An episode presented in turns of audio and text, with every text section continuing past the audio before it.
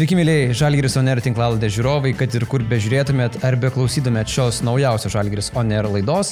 Esame Kauno Žalgirio arenoje, galbūt kiek neįprastoje vietoje įrašinėti mūsų tinklaladės, bet šį kartą reikia nukelti kepurę prieš vykstantį Žalgirio arenoje pasaulio futsal čempionatą ir trumpam mes esame išsikėlę iš mūsų įprastinės studijos į Žalgirio ofisą ir į trofėjų kambarį. Šiandien turime ypatingą svečią, kadangi Kauno Žalgirio organizacija papildė naujas žmogus, naujas veidas, e, kuris bus su komanda kiekviename jo žingsnyje. Taigi šį žmogų tikrai mes matysime ir Žalgiris TV reportažuose, ir kitų galų galę žiniasklaidos priemonių reportažuose. Kalbu apie naująjį Žalgirio komandos sporto psichologą Andriu Lechovičiu. Sveiki, Andriu. Sveiki, ryti. E, pirmosios dienos e, Žalgirio komandoje, apskritai pirmosios valandos, pirmosios akimirkos, tai koks yra jausmas atverti stipriausios Lietuvos krepšinio komandos duris, daugkartinių LKL čempionų duris? Uh, pirmas turbūt toksai įspūdis ir jausmas, kad na, labai profesionali organizacija, kad e, daug žmonių dirba prie to, ko dažniausiai galbūt kitiem nesimato, atrodo, kad tai yra tik krepš, krepšininkai ir treneriai. Tai turbūt didžiausias įspūdis tame, kad na, toks profesionalumas, tokios sąlygos suteiktos krepšininkam, tokios sąlygos suteiktos visiems, kad na, uh, labai smagu ir tokios, nu, iš karto užplūsta didelės emocijos ir tikrai bus įdomu netgi dirbti visą šitą sezoną. Ir bus labai įdomu su jumis pakalbėti, kalbant apie tą profesionalumą, krepšininkai kiekvieną dieną gali mėgautis Vilkiškių produkciją, jos turime ant stalo ir noriu pristatyti, kad ir šią bei kitas mūsų tinklavadės remia būtent Vilkiškių produkcija, kuri yra ištikima Kauno Žalgirio klubo remėja. Andriu, Koks yra jūsų apskritai ryšys? Mes žinome apie jūsų ryšį su sportu, jis yra labai glaudus, sporto psichologija neveltui, bet koks yra jūsų ryšys su krepšiniu? Aš kalbu iš tos galbūt net ir fano perspektyvos. Ar pats esate žaidęs krepšinį, ar esate didžiulis gerbėjas ir taip? Uh, taip, aš esu žaidęs krepšinį, 11 metų lankiau krepšinio mokyklą ir baigiau e, Vilnius krepšinio mokyklą. Po to už universitetą dar žaidžiau pirmus metus, po to supratau, kad, na, galbūt reikia daugiau atsiduoti mokslams ir tiesiog mėgėjiškai tą dariau. Tai krepšinis man tikrai nėra svetimas, nes, na, natūralu, kai esi iš Lietuvos, tai tu niekur nuo jo labai toli nepabėgs. Bet šiuo atveju tai didžiulis e, ir jūsų srities pranašumas, kad lietėte tą sporto šaką ir ne vienerius metus, sakykime, net, net visą sekciją baigėte krepšinį. Uh, taip, baigiau visą tą sekciją krepšinio ir galbūt truputėlį buvau daugiau atitolęs, buvo mažiau to laiko, kai dirbai daugiau su olimpinė rinktinė, uh, šiuo atveju daugiau individualių sportų ir būdavo mažiau laiko likdavo krepšinį, bet ir tai stengdavausi esant galimybėjai nuvažiuoti, pasižiūrėti, sudalyvauti. Tiesą pasakius, buvau tose legendinėse varžybose ketvirtfinalio Žalgrio prieš Olimpijakosą, kai o, išėjo į finalą ketvirtą. Jo, nes turėjau kaip tik seminarą čia Kaune ir galvoju, kodėl nepasinaudoti šitą progą, jeigu jau esu Kaune ir truputėlį pabūti ir nueiti tokias, na, varžybas, kuriuose buvau netgi, na, liudininkas to tokio. Tas žalios arenos, žalios tribūnos. Jo, ir, nu, visos tos emocijos, kad pateko į finalinį ketvirtą. Andriu, kodėl pasirinkot sporto psichologiją? Ar tai buvo būdas būti kuo arčiau sporto, ar galbūt pratesti tokią, nežinau, net ir vaikystės svajonę, kad likti sportė, likti šalia jo, ar tai buvo tiesiog susidomėjimas? Uh, apie sporto psichologiją aš turbūt sužinojau gal būdamas 8-9 klasėje, kad yra toks dalykas ir pradėjau labai domėtis, kurgi galėčiau tą studijuoti, kur galėčiau pagilinti žinias ten. Ir jo labiau, kad pamačiau, kad uh, tam pačiam krepšinį yra truputėlį kažkas daugiau negu fizinis, taktinis ir techninis pasirengimas ir pergalės lemia ne visą laiką komanda, kuri galbūt ant popieriaus arba pagal kitus aspektus atrodo stipresnė. Kartais na, kažkas atsitinka ir sustojama kaip ir pažaidžiau krepšinį, pastebėjau, kad na, yra tikrai tų dalykų. Ir pradėjau daugiau domėtis ir 8-9 klasėje supratau, kad mm, yra dar tikrai kažkas kito. Ir ta sporto psichologija pradėjo įtraukti mane, pradėjau daugiau domėtis, ieškojau galbūt, kaip čia reikia į ten patekti. Ir pradžiai nežinojau, kad tik tai reikia baigti ir bakalaurą, tai tada ieškojau, aha, pirmiausia, turi pasibaigti bakalaurą keturis metus ir tada tu tik tai gali rinktis kryptį, tai to psichologijos krypčių yra be galo daug, nes kartai žmonės neteisingai suvokia, kad psichologija yra darbas su, su pavyzdžiui, su nesveikais žmonėmis. Ne, būtent psichologija yra darbas su sveikais žmonėmis ir ta sporto psichologija būtent tai ir parodo, kad, nu, įsivaizduokit, olimpiniai rinkiniai visi jie yra sveiki žmonės, tai yra tiesiog būdas, kaip pagerinti jų uh, įgūdžius. Tai pradėjau daugiau domėtis, tada baigiau sporto psichologiją po to supratau, kad man vis tiek neužtenka įgūdžių, galbūt tokių, kokių aš norėčiau ir mm, važinėjau po konferencijas, pavyzdžiui, kas keturis metus vyksta tokie Europos sporto psichologijų kongresai savaitės trukmės, į kurie susirinka ne tik tai sporto psichologai, bet ir karo psichologai. E, aviacijos psichologai ir, na, va tokie va specialistai, kadangi mūsų nu, darbas yra labai panašus visų, nes tai yra kažkoks uh, pasirengimas kažkoks maksimalaus, pavyzdžiui, dėmesio susi, sutelkimas ir kiti dalykai. Tai mes labai daug mokomės ir iš karo psichologų, taip pat karo psichologai atvažiuoja pas mus. Mhm. Kalbant apie tą psichologijos būtinybę, jos reikšmę, ji, ji nėra kvestionuojama, jos reikia ir nuo pat e, mažų dienų mokykloje yra psichologo net ir pareigybė, kurios reikia, bet sporte buvo dažnai toks stereotipas, kad jeigu tau reikia psichologo, vadinasi jau kažkas tau negerai su galva, toks, sakykime, atsiradęs mitas, stereotipas ir Ar Lietuvoje jis iš esmės jau yra išnykęs, ar dar susidurėte su, tuo, su ta nuostata, kad jeigu tau reikia psichologo, vadinasi, jau tikrai kažkas tau negerai ir tu nesi aukščiausio lygio atletas? Tai stigma šitą visą laiką egzistuoja. Galbūt e, jaunieji sportininkai daugiau jau pastebi ir supranta, kas tai yra. Nes, na, aš kaip ir sakau, pas mus yra dar ta stigma, kad žmonės neskiria, kas yra psichologas, psichoterapeutas ir psichiatras. Tai yra tokios, tris jiem yra visi vienodi. Jeigu išgirda, išgirda žodį psicho, tai jau kažkas nuo negerai. Jau tą šaknį girdi ir viskas. Jo, yra. nes, nu, greičiausiai net ne visą laiką supranta, ką reiškia ten ta šaknis. E, kartais kitur šitie specialistai dėl bijojimo, vadinami mental coach ar dar kažkaip, na, kad išvengti šitos vašaknies. Nors, na, tas darbas yra dabar jau tikrai pagerėjęs. Aš esu pirmą kartą, kai atėjau, tai tikrai treneriai patys įspirdavo, nebendraudavo. Po to, einant laiku, patys treneriai kreipdavosi, mes bendraudavom, dirbdavom, nes suprasdavo, kad tai yra kažkas, na, daugiau, kad e, šitose situacijose, kuomet aš dirbau su olimpinė rinktinė, tai mes visą laiką stebėdavom, rašydavom, naudodavom sąsiunius, matydavom, kur mes galim patobulėti, kuriuose vietose mums trūksta, nes, kaip ir minėjai, psichologija dažnai mes įsivaizduojam, jeigu matome per pavyzdžiui, televiziją ir sako, psichologija pakišo koją, tada dažnai atveju žmogus net nežino, kas, kas įeina į tą žodį, nes, na, įsivaizduokime, jeigu tu nuini pas daktarą ir tu sakai, man skauda koja, tai yra gerai. Bet jeigu tu ateini ir sakai, man skauda, tai čia panašiai kaip sakoma, kad psichologija taip. pakišo koją. Tu net nežinai, kas tiksliai tau pakišo koją, tu žinai, kad taip galva, bet nežinai, kas tiksliai. Tai čia yra vienas iš tų pavyzdžių, kad mes nesigilinam ir jeigu mes nesigilinam ir viską nuvetam ant psichologijos, tai mes visą laiką turėsim šitą problemą. Tai jau dabar po to treneriai, po truputį ir patys sportininkai supranta, aha, Jeigu aš žinau, pavyzdžiui, psichologija, kad man pakišo koja dėmesys tam tikrų momentų, o tai, pavyzdžiui, sukėlė mintis apie tai ir tai ir tai, jau mes galim su tuo pradėti dirbti. Nes dažniau atveju sako, jeigu jauti kažkokį nemalonų jausmą, tai vienintelis toksai pavyzdys arba vienintelis galimybė padėti tau sako, tai tu nejaus to jausmo. Tai bet jei palauk, aš turiu, tai čia panašioje situacijoje aš visą laiką duodu tą pavyzdį, jeigu tu nori į tualetą tuštintis ir tau paskui, ne, tu nenori. Tai tas noras niekur nedingo, bet pas mus yra toks gajus mitas, jeigu aš pasakau žmogui to nenorėti arba apie tai negalvoti, tai to ir nėra. Na, bet realybė yra truputėlį kitokia, tai mes ir skatinam sportininkus ir trenerius, nu, pasigilinkit, kas sukelia va tavo jausmą, nes, nu, jeigu tu sakytum, kad aš noriu tualetą, to žmonės bandytų padėti, žiūrėk čia ir čia jis yra, bet tikrai niekada nesakytų nenorėk. Tai kartais reikėtų patiems susimastyti netgi šitoje situacijoje ir, a, nu jo, aš taip nedarau. Tai kodėl su kitais dalykais, kas yra susiję, pavyzdžiui, su jūsų emocijom, mes tą darom. Nejausk. Nu, nerodyk. Taip, taip, taip. Negalvok apie tai, nu, bet aš jau tai turiu savyje.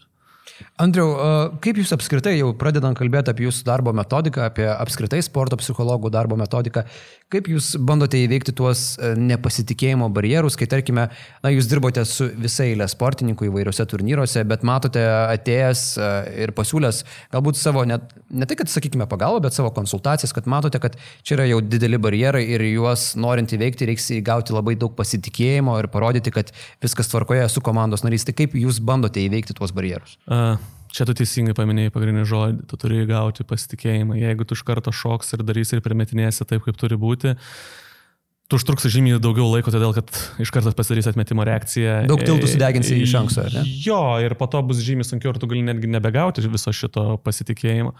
Dėl to dabar tas darbas yra sunkesnis, tu tiesiog būni šalia, uh, užkalbini tokiais paprastais klausimais, bet nesistengi per daug įlysti. Uh, Nes po to tu nebegalėsi grįžti atgal. Tai dabar daugiau yra stebėsina, pastebėjimai per galbūt uh, sportininkus būtų galima per trenerius, per aptarnaujantį personalą, paklausti jų, ką jie mato ir tiesiog rinkti informaciją. Ir po to surinkus informaciją jau galima na, pradėti dirbti.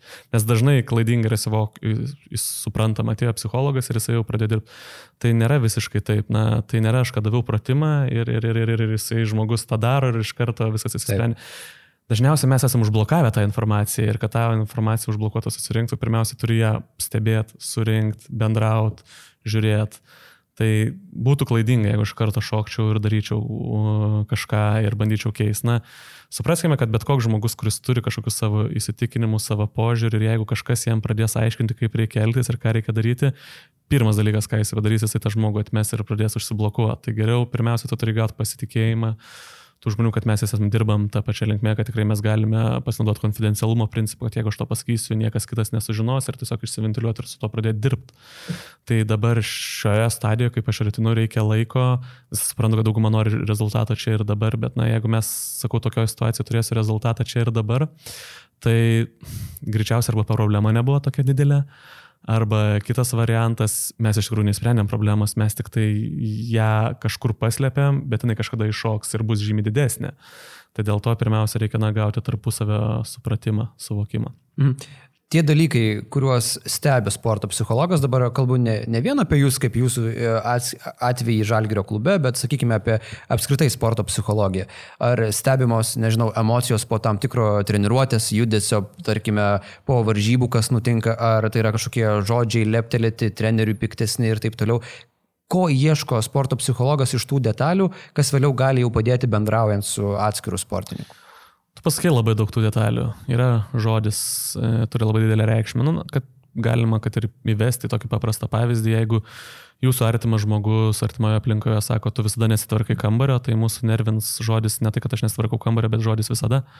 Tai mes stebime ir tos pačius žodžius, tada stebime, kas atsitinka, jeigu žmogus e, pradeda garsiau galbūt kalbėti arba greičiau kalbėti, kaip tai turi kokios įtakos sportininkam. Galbūt jie pradeda greitėti, galbūt jie pradeda labiau reaguoti. Tai yra daug, daug tokių dalykų, ko mes nematom. Nes, na, suprask vieną dalyką, kad pagrindinis signalas, kurį mes perdome, nėra tik tai verbalinis. Tai šitoje situacijoje yra ir neverbalika, tai kūno kalba, paraverbalika, tai yra balsotonas tembras ir panašiai. Tai mes stebime visus šitus dalykus ir žiūrim, kaip kas gali turėti tam tikros, na, įtakos, gali turėti tam tikro pasikeitimo. Nes iš šono gali atrodyti, na, jeigu aš pasakiau taip, taip, taip, tai na jau tai veikia. Ne, tai labai daug priklauso, kaip tu pasakai. Labai daug priklauso, jeigu, pavyzdžiui, tempas krenta, ar tu ploji, ar paskatini, ar dar kažkas. Ir jeigu tai atsitinka, pažiūrėt, ar kaip į tai atreaguoja komanda. Jeigu aš ištisai galbūt naudoju pakeltą toną, tai galbūt pradeda mane nebereaguoti, kažką reikia keisti. Na, kad suprastumėte irgi šitoje situacijoje, ką aš turiu omeny, tai jeigu važiuoji automobiliu, tau yra patinkanti muzika ir tu ją pasigarsini ir ten yra geras ritmas, kas atsitinka, tu pradedi viršti greitį nepastebimai. Tai šitoje situacijoje mes irgi stebėjome tokius dalykus, koks nu maždaug yra į mūsų veiksmą, koks yra to veiksmas. Ir tada bandoma na, gražinti visą tą informaciją mūsų komandai ir su tuo pradėti dirbti.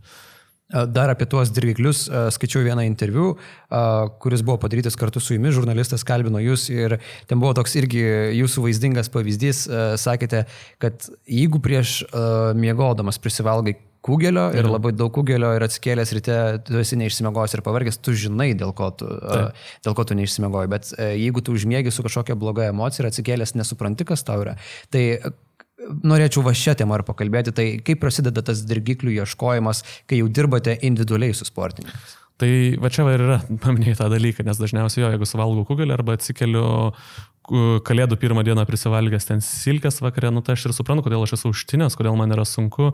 Jeigu nuėjau, nežinau, su draugais į balių ir atsikeliu, tai man yra viskas aišku. Kuomet yra viskas susijęs su mintimis, mes kažkodėl eliminuojam ir tai atrodo mums nebesvarbu. Tai va čia ir prasideda, aha, ką tu galvojai, aš visą laiką sakau, nėra mūsų tikslas niekada užmigti ir mėgoti. Nes jeigu tu užsidėsi pagrindinį tikslą užmigti ir mėgoti, ką žmogus dažniausiai daro, jis pasižiūri telefoną, o liko ten tarkim šešios, o liko penkios.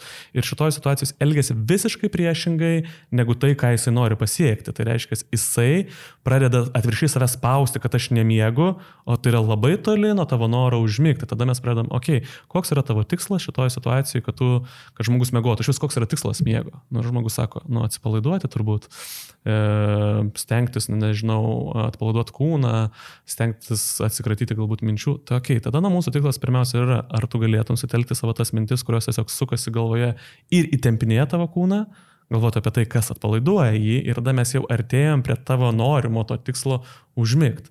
Nes jeigu tu už, užmigs, kartais atrodo, kad sportininkam, ne tik sportininkam, ir kitiems žmonėms, man būtinai reikia mėgoti ten tiek ir tiek valandų. Ne, jeigu tu mėgosi kokybiškai, iš, pavyzdžiui, vadintų kambarių, išvalytą galvą, tau užteks ir mažesnio laiko. Na, tai geriausias yra pavyzdys atostogos, kuomet mes išvažiuojame į atostogas ir sako, nu bet aš per atostogas mėgau labai gerai, o darbo metu aš labai prastai mėgau. Tai kažkur yra problema, na, ar atostogose, ar kažkas atostogose pasikeičia. Tai mes pradedame ieškoti, nu, vad kas. Ir tada sako, nu, aš mėgau tik 8 ar ten 7 valandas, esu pilnai išsimegojęs, pilnai pasiruošęs kažką daryti. Naturalu. Tai mes pradedam ieškoti, nu, okei, okay, lygiai taip pat galbūt žodis vienas, galbūt tavo tikslas tas stebėjimas, tu galbūt jau esi beveik mėgantis ir tada pasižiūri laikrodį ir matai, kad lieka mažiau laiko, aš esu kažkiek neužmygęs, kas vyksta, vėl tavo kūnas išsigasta to, ką pamatė, tavo minčių tada išsigasta, jis vėl susirakina ir vėl mes prarandame laiką. Tai dažniausiai mes pradedam stebėti, rašyti, kas mums padeda, kartais su sportininkais sako, man padeda išėjimas pasivaikščioti Bet, na, jeigu tu esi toje pačioje vietoje ir vaikštai tą patį maršrutą, tavo smegenų niekas nebedirgina ir greičiausiai kokią 6-7 dieną pasivaikščiojimas neveikia. Nes nesmė yra nepasivaikščiojime. Esmė yra, kad kai tu išeini į lauką ir pabandai kvėpti oro, pajausti, koks yra oras, pasižiūrėti, kokia yra aplinka ir tai tavo smegenys dirgina. Bet jeigu tu tiesiog išeini, nuleidęs galvą į apačią, nesvarbu, kad atlieki nu, tą fizinę veiklą, bet galva atlieka savo darbą. Ir tokiu būdu mes pastebim, kad neišėjimas pasivaikščio, tarkim, padeda, o padeda tai, kad aš ėjau, stebėjau aplinką, žiūrėjau ir dėl to smegenys buvo užimtos ir aš atinu kaip išsivalęs galvą, na, visiškai pravalęs. Mhm. Tas uh, rašymas į sąsiuvinį taip pat buvo paminėtas viename iš interviu. Sakykite, kuo, kuo jis yra ypatingas, Andriau, šis metodas, uh, kokia jo yra sistema ir tos pagrindinės detalės? Pagrindinė detalė yra savistaba. Tai reiškia, mes uh, stebime, kai tam, pavyzdžiui, tikri įvykiai arba mūsų mąstymo procesai turi e, įtakos mūsų veiksmams, mūsų jausmams, kad suprastume tai, tai reikėtų suprasti, kad nu, yra tokia kaip šventojo trybė - mintis, jausmai, veiksmai. Dažniausiai mes stebime tik tai jausmus veiksmus ir nesuprantame, kad visą tai sukelia mums mintis. Tai mes tada dažniausiai pradedam rašyti sąesnį ir pastebim, aha, yra kažkoks atsikartojimas. Tai reiškia, yra kažkoks algoritmas, kuris rodo, kad mm. mes turime tam tikrus, pavyzdžiui, jausmus arba tam tikrus nu, savo kūno veiksmus. Ir mes tada stebim tuos atsikartojimus, nes kiti sako, ne, aš atsiminsiu, aš atsiminsiu, aš atsiminsiu. Jeigu tu galvoji, kad tu atsiminsi, tai reiškia, tu eliminuosi detalę, kuri galbūt turėjo didelės įtakos tavo uh, tam tikrai savijautai. Tai tas atsiminys dažniausiai yra po varžybų mes labai daug analizuojam, kaip tu jautiesi prieš startą, kaip tu jautiesi starto metu, galbūt ką pamatėjai savo varžybų metu, savo startų metu, kas to padėjo, kas to maišė, ką mes galime ištaisyti. Ir tada mes matome, kad kiekvienu kartu mes patrupti judame į priekį. Nes jeigu mes neturėtume, kaip pavyzdys, tokio sąsivinio, tai aš esu toks pas, koks buvau vakar realiai. Niekas nepasikeitė. Tai ar aš kažkur judu į priekį? Greičiausiai ne, nu, nes su vakar tai yra taip pat. O kai buvo prieš savaitę, man sunku atgaminti, lyg ir buvo taip pat. Tai čia yra dažna problema, kad mums, na, susidirbant tiek pačiais sunduliais, su duliom sporto šakom būdavo, kad jiems atrodo, na, aš jeigu pateksiu Europos čempionatą arba ten užimsiu tam tikrą vietą, tai tada aš ir gausiu savo apdovanojimą. Tai šešis mėnesius tu negauni jokio apdovanojimo, tu stovi vietoje, nes tu su vakar nesi patobulėjęs. O jeigu mes pažiūrėtume įsidėlėtim sąsiuvinį, a, jau čia kažką išmokau, jau čia kažkur patobulėjau, tai mes ne tik tai sugebame geriau analizuoti, bet mes gaunam ir tos pačios motivacijos. Nes, na, o galbūt aš gausiu traumą likus savaitį, tai mano visas darbas ir tą dažnai pastebėjome karantino metu, nu, kai tik tai prasidėjo COVID visa situacija, sportininkam buvo toks vienas, aš dabar negaunu už visą savo įdėtą darbą, nes jis nuėjo šunio nuo regos, jam atrodydavo. Taip Bet šiaip tai ne, tai reiškia, tu įdirbai, tu gavai tas įgūdžius, jie niekur nedingo, bet kadangi tau atrodo, kad aš neturėjau kur jų panaudot, tai tampa beprasmiška. Ne, tu juos turi, tai jeigu mes rašom, kad juos turėjo niekur nedingo ir mes tiesiog galėjom jas perkelti kitiems metams. Vat būtent va, šitą temą, kurią norėjau ir paplėtoti, e, tas nu, nukeltos Tokijo olimpinės žaidynės, kiek pastebėjot poreikį, didesnį poreikį konsultacijoms, kai didžiausias tavo ciklo startas yra nukeliamas ir kai kurie sportininkai net buvo priversti baigti karjeras. Buvo tokio, jo. Tai čia vėlgi, kaip tu esi pasiruošęs uh, tą pasiekti. Uh, vienos šalis išlošia iš to, kitos pralošia, nes nu, mes irgi dabar matėm labai daug tokių rezultatų, kurių buvom daug metų nematę. Tai mes niekas nežinom, kaip kas ruošiasi, kaip kas darė, kiti galėjo užsidaryti, ne visi galbūt, uh, aš nekalbu apie Lietuvą, aš kalbu apie kitas šalis, galbūt ne visi laikėsi karantino apribojimų, pas kuriuos gal iš vis nebuvo karantino apribojimų. Tai mes tiesiog galime maksimaliai susiruošti vienam startui ir eliminuoti ten Europos, pasaulio ir kitus startus ir tiesiog maksimum viską atiduoti Taip. vienam. Iš vienos pusės yra pliusas, iš kitos minusas. Neturėjimas varžybinės patirties, na, neleidžia paruošti būtent galbūt tos psichologinės dalies, leidžia paruošti tik tai tą fizinę, techninę, taktinę. Ir jeigu viskas užsidaro ir tu niekur negali treniruotis, nebegali ruošti ir fizinę, techninę, taktinę, kažkas nuo to labiau tobulėja, kažkas labiau eina į priekį ir tas irgi gali tave labiau erzinti ir darbas dažnai būdavo netgi ne tik susijęs su pačiu sportu, bet kaip su, tom, su to neteisybė sukovoti, kur, nu, atrodo, kažkas yra užsidaręs Kaip, pavyzdžiui, mes esame užsidarę, kiti toliau sportuoja, dėda ten visokius. Galų galėtų gali būti užsidaręs, bet tavo šalyje yra tokia didelė vidinė konkurencija, kad tu turi vos ne mini čempionatus ir gali toliau ruoštis. Taip, būtent. Tai va čia va yra tokių, va, nu, vieni kas turėjo pliusus, kitas turėjo minusus. Tai kartais atrodo, kad mes ne, nežinom, kaip kiti ruošiasi, mes nematom, kaip kas juda į priekį. Tai tas buvo tikrai daug nežinomybės ir labai gerai e, mūsų rinktinės daktaras yra pasakė, tai net nėra olimpinė žadinės, tai yra labiau kelionė į Marsą. Mes turim labai daug nežinomųjų ir mes turim būti pasiruošę viskam. Čia yra vis laiką darbui, kuomet mes dirbame su sportininkais, mes tengiamės uh, juos paaiškinti labai paprastą dalyką. Jeigu tu turi savo įgūdžius, pavyzdžiui, 99 procentus tų visų įgūdžių, mums ir reikėtų savo visą dėmesį laikyti tos 99 procentus. Jeigu tu atiduosi visą savo energiją tam vienam procentui, tos nežinomosios, tu tiesiog pamirši apie savo 99 ir pradėsi panikuoti. Tai mes lygiai taip pat bandydam su to pačiu sąsniu išsirinkti kuo daugiau įgūdžių ir sutelkti visas mintis į juos. Nes, na, čia kaip ir sakau, kelionė į Marsą, lygiai taip pat tu nežinai, kas gali atsitikti, bet jeigu tu sudėsi visas mintis apie tai, kas gali atsitikti, tu pamirši tai, ką tu gali ir ieškosi tai, kas patvirtins tą tavo vieną procentą ir tu nebefunkcionuosi, o kai tai pasireikš, tu tiesiog sakys, ah, sakiau, sakiau ir tu tiesiog nedarysi tai, ką tu moki. Mhm.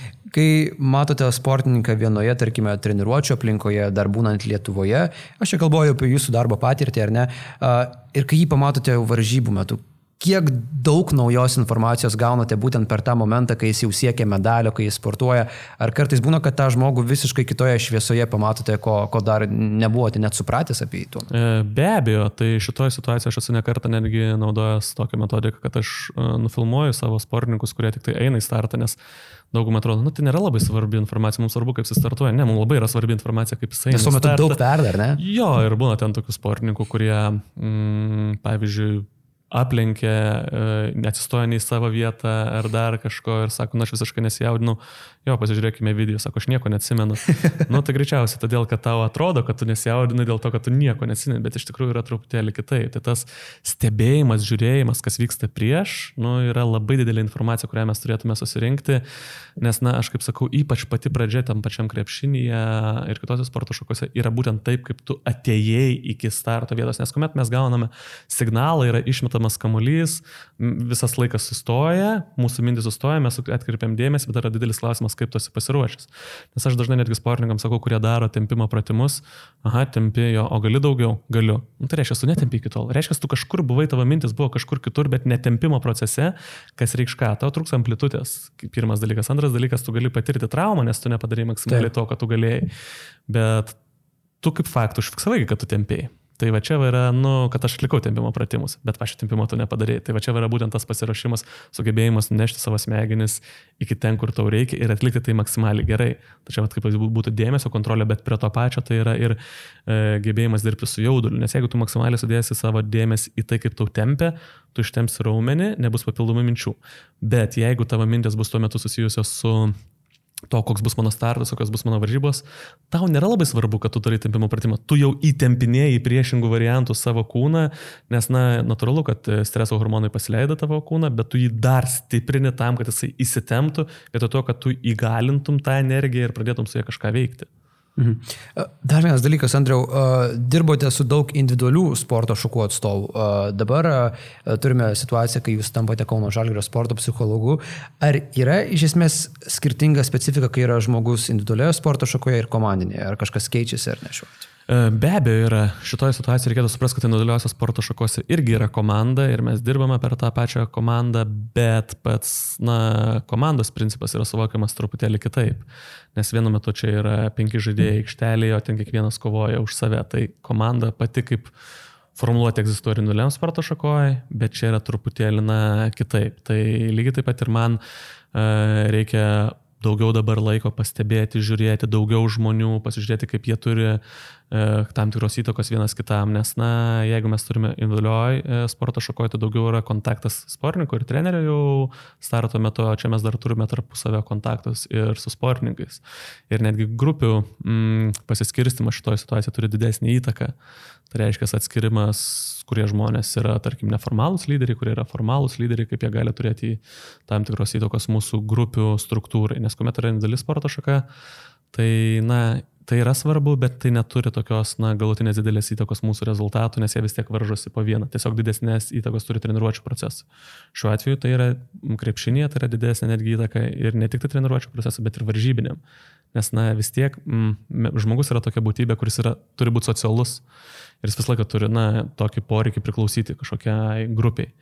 Ir grupė visą laiką susidaro iš tam tikrų asmenų, kurie yra atsakingi už tam tikras, na, dalis. Galbūt kas yra labiau už emocinę dalį atsakingas, galbūt kas yra labiau už fizinę ir panašiai. Tai tu turi atskirti šitus žmonės ir pradėti dirbti per juos. Mhm.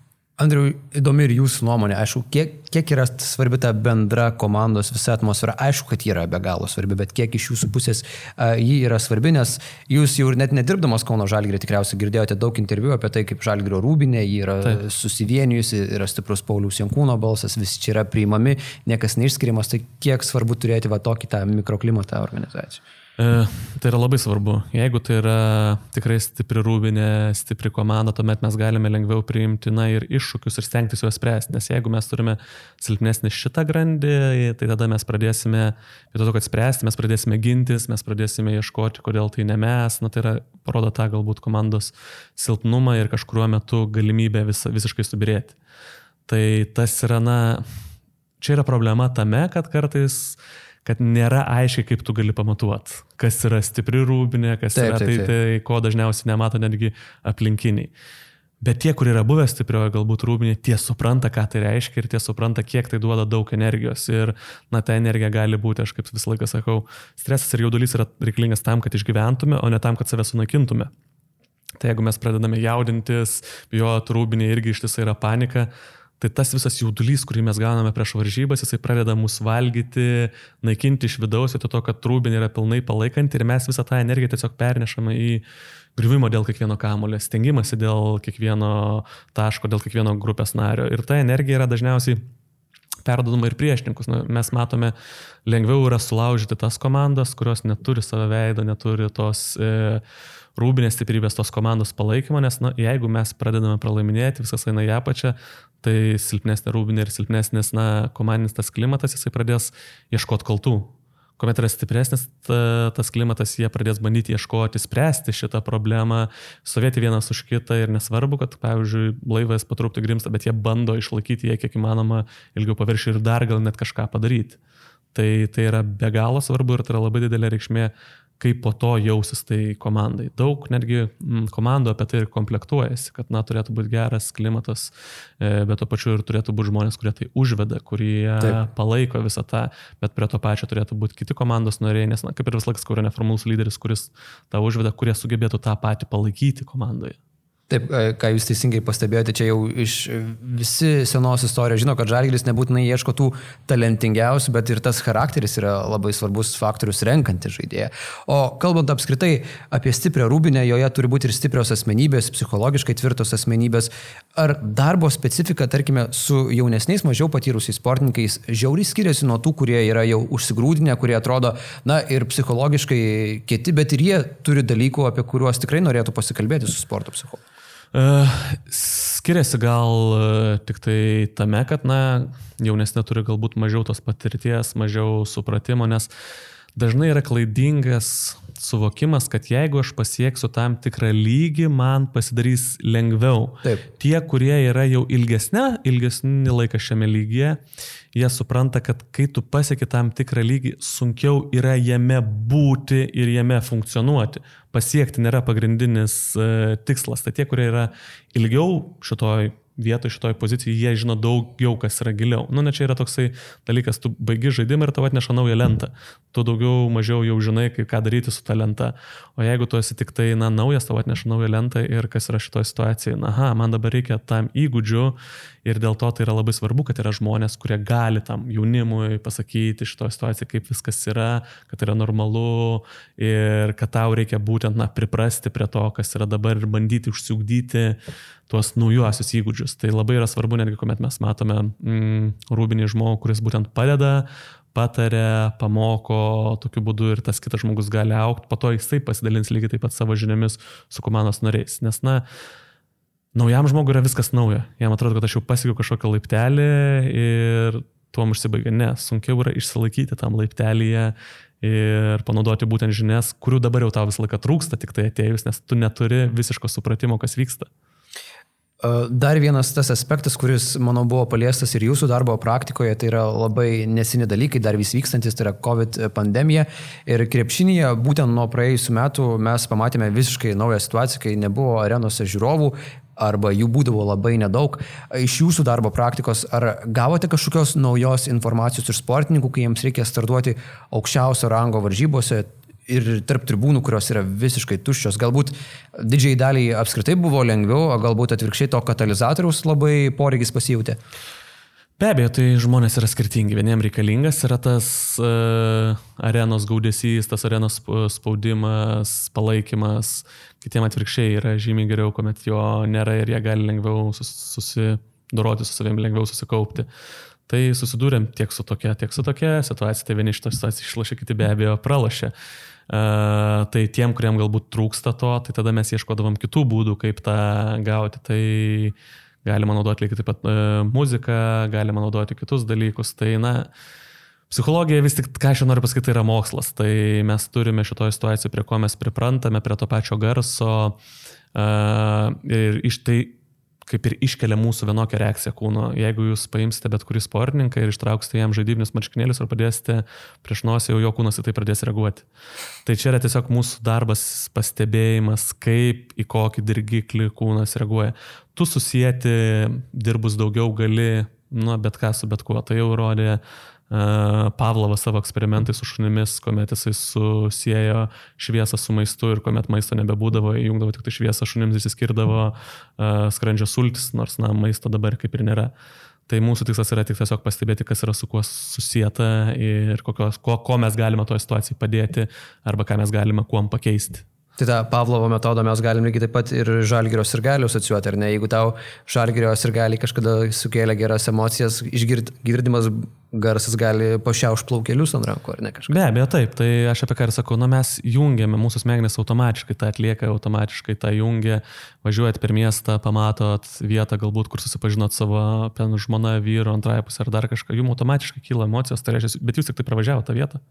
Tai čia yra toks dalykas, kad mūsų smegenys vis tiek jungia tos dalykus. Na ir vieni sujungia vienaip, kiti sujungia kitaip. Dėl to ir yra darbas pastebėti, kaip buvo sujungta, ką mes galime padaryti, ką mes galime galbūt pakeisti, pridėti. Tai šitas vyksta automatiškai. Kitas dalykas yra operantinis sąlygojimas su skinnerio balandžiais, kuomet mes visi tą žino dalyką paskatinimus ir bausmės kuo arčiau atlikto veiksmo, tai darome to daugiau šansų, jeigu tai yra paskatinimas, kad tas elgesys bus daromas su bausme, mažiau šansų, kad tai bus daromas. Na, tų dalykų yra, kuriuos žino galbūt uh, visi visuomeniai, bet kartais mes į tai nekreipiam daug dėmesio. Na, žmogus yra na, labai daug veikiamas hormonų ir tu jų nelabai sukontroliuosi, tai reiškia, atsiskyrė ir tu tą turi. Tai jeigu žmogus lygiai taip pat yra pripratinami prie mm, pavyzdžiui, narkotinių medžiagų, alkoholio, kazino, kuomet tai dedi monetą ir tau iškrenta daugiau monetų ir to... Dopaminas. Tai kažkas jo išskiria dopaminas serotoninas. Yra dar tokių hormonų, kurie išsiskiria paprasčiau, ten kaip oksitocinas, ten apsikabinimo metu e, gimdančio moteriam, kad sumažintų skausmą. Tai viskas yra būtent dirbama ant to, kad tu žinotum, aha, kurioje vietoje ką išskirti, ką padaryti. Bet čia dažniausiai jau yra darbas mūsų, kuomet pats žmogus, na, jo hormonų sistema tai padaro. O, tai mes kartais galime panaudoti tokius, na, leistinus triukus, kad padėt komandai. Bet daugiau vis tiek yra pas darbas patiems porininkams su savim, kad suprasti, kad jie gali kontroliuoti, kad viskas, na, yra įmanoma, tiesiog reikia tam įdėti daugiau darbo. Mhm. Reikia čia matyti šitoje vietoje žmonėms visiems e, priminti, kad uh, nuo šiol jūs būsite komandos dalis ar ne. Ir gal galite labai trumpai papasakoti ir mūsų žiūrovams, kad mes dabar jūs uh, su komanda matysime praktiškai kiekvieną dieną, ar ne. Ir netgi ir dabar laukianti išvyka į Eurolygos rungtynės taip pat lygiai reiškia, kad jūs sėdate į lėktuvą ir keliaujate su komanda. Uh, greičiausiai jo, dar nežinau kaip dėl Prancūzijos, nes nu, čia aš tik tai šiandien kaip ir pirma, antra diena, tai šitoje situacijai sunku atsakyti, bet uh, šiaip turėčiau jo būti visur su komanda, nes kaip ir minėjau, pradžioje yra daugiau to stebėjimo proceso, uh, kartais ko trūkdavo galbūt dirbant uh, su daug daug sporto šakų, kad tu negali būti visur, negali stebėti, tiesiog surinkdavo informaciją, ką pasakydavo sportininkas, kas na ne visą laiką būdavo Taip kaip jis matydavo, kaip aš ką tik pasakiau, pafilmuoju sportininką, na, visiškai kitaip negu tu pasakoji.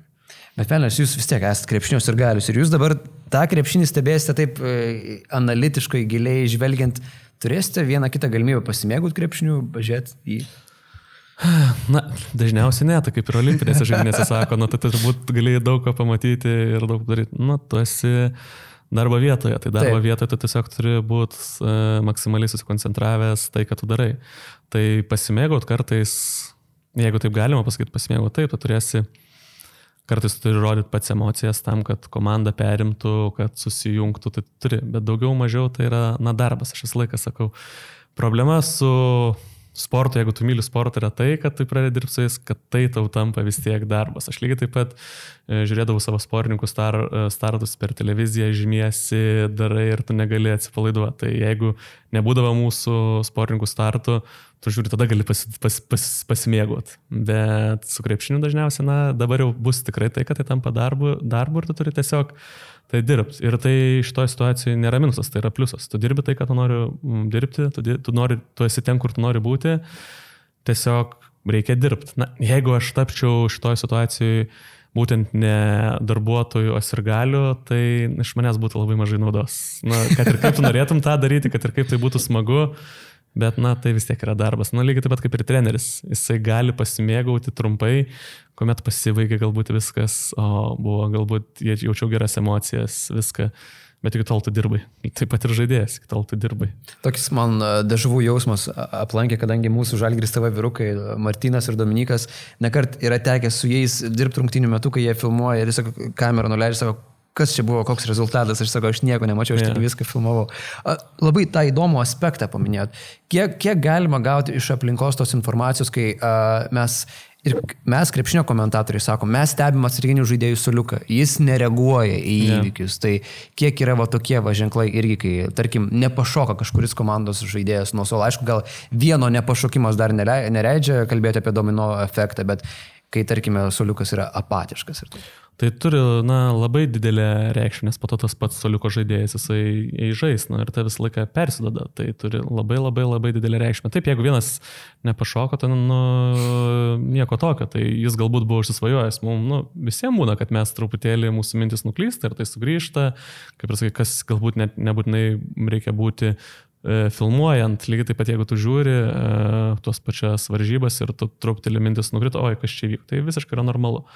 Bet, na, tas atreagavimas yra labai svarbu. Jeigu aš išleidau emociją šitoje situacijoje ir aš negaunu jokio grįžtamo ryšio atgal ir iš komandos narių, tuomet yra, nu, be galo sunku, nes, nu, tu lik ir stengiasi, bandai, bet negauni jokio atsako. Na, įsivaizduokite, jeigu jūs turit jum patinkančią merginą ar vaikiną ir jūs jam rodote labai didelį dėmesį, bet negaunate jokio atsako atgal. Gauni syną. Jo, jo, gauni syną arba, aha, aha, aišku, supratau. Ir po kurio laiko, nu, tu supranti, kaip tavo energija tą mažėja, kad ir kaip tu buvai užsivedęs, ir kad ir kaip tu buvai veikiamas pradžiai hormonų, tai mažėja. Lygiai taip pat, jeigu būna priešininkas, bando jūs uh, išmušti iš vėžių ir kažką pasakoja, kaip yra trash talkina šitoje situacijoje yeah. arba dar kažkas, kas atsitinka, jeigu mes į tai mažai reaguojam, jisai tiesiog praranda energiją ir mes tiesiog galim susikoncentruoti tai, ką darai, nes jo tikslas yra koks, kad į mane reaguotų. Tada tai pastiprina mano veiksmą. Tai lygiai tas pats yra ir su gerom, nu šitoje situacijoje, to mums patinkančiom, galbūt reikėtų sakyti, e, emocijom, to smagumu, jeigu jis yra pastiprinimas, jo darosi vis daugiau, na, jis siejasi, bet jeigu atsiranda tą patį ir mes stiprinam tą patį, tai tą patį siejasi. Ir jeigu mus užveda tik tai geri epizodai, tai tada irgi nėra labai gerai, nes na, tas epizodas iš kažkur turi atsirasti. Tai žiūrovai dažnai pastebi turbūt tą, kad na, jeigu jau matom, kad krenta tempas, jie pradeda skanduoti, jie pradeda bandyti palaikyti ir tas vis turi didelės įtakos. Nes kuomet sekasi, tai reikia suprasti, kuomet komandai sekasi, tai visi gali būti šalia ir visi tiesiog nori būti šalia pasišildyti, galbūt tuos išlovės spinduliuose, bet pagrindinis darbas yra ne tame, pagrindinis darbas kaip nueiti iki to. Mhm. Andriu, pabaigai norėjau jūsų paklausti vėl apie tuos pačius sirgalius, kurie grįžta į arenas ir mes džiaugiamės, kad jau Eurolygos rungtynėse spalio 7 su Zenitu Žalgirio arena galės būti praktiškai ir pilnutėlė. Kiek va tokioms komandoms, kurios neturi pačio didžiausio biudžeto, tai yra tas smogiamasis ginklas, turėtų, sakykime, tą tiesioginį elektros kištuką, tą elektros padavimą į tavo kūną iš sirgalių? Tai vėlgi, sakau, priklauso nuo pačio krepšininko ir nuo pačio žmogaus, bet dažniausiai tai, tai tikrai labai stipriai uh, būsna, nežinau kaip lietuviškai išsireikšti, bet pabūsna šitoje situacijoje ir pakelia, bet tuo pačiu ir labai stipriai veikia presas. Tai reiškia, jeigu mes matom, kad komanda nesisikas ir gali irgi reikalauja savo duoklės, palauk, mes ateinam pilnai pasiruošę, galbūt kodėl jūs to nedarot. tai šitoje situacijoje, na, yra savi pliusai, yra savi minusai. Tai pačioj pradžioje, aš įsivaizduoju, pirmose varžybose, kadangi bus visi labai išsilgę to krepšinio, tai tikrai įdės labai didelį savo indėlį uh, Tai klausimas, kiek bus krepšininkai tam pasiruošę, nepratę visam tam gaudėsi, tikėkime, tai bus tik tai nauda mums. Tikėkime ir mes. Ačiū Jums labai, Andriu. Priminsiu, kad mes kalbėjome su naujoju Kauno Žalgėrio komandos sporto psichologu Andriumi Lechanovičiumi. Lechovičiumi. Lechovičiumi, taip. taip. Ir Andriu mes matysime kiekviename komandos gyvenimo žingsnėje ir tuo labai džiaugiamės. O jūs visi mėlyjeji, kurie klausotės mūsų tinklaladžių, likite ir toliau ištikimais mūsų klausytojais. Visas jas galite rasti mūsų YouTube kanale ir visose audio tinklaladžių platformose. Iki kitų susimatymų ir Andriu, geros jums dienos. Ačiū ir iki. Iki.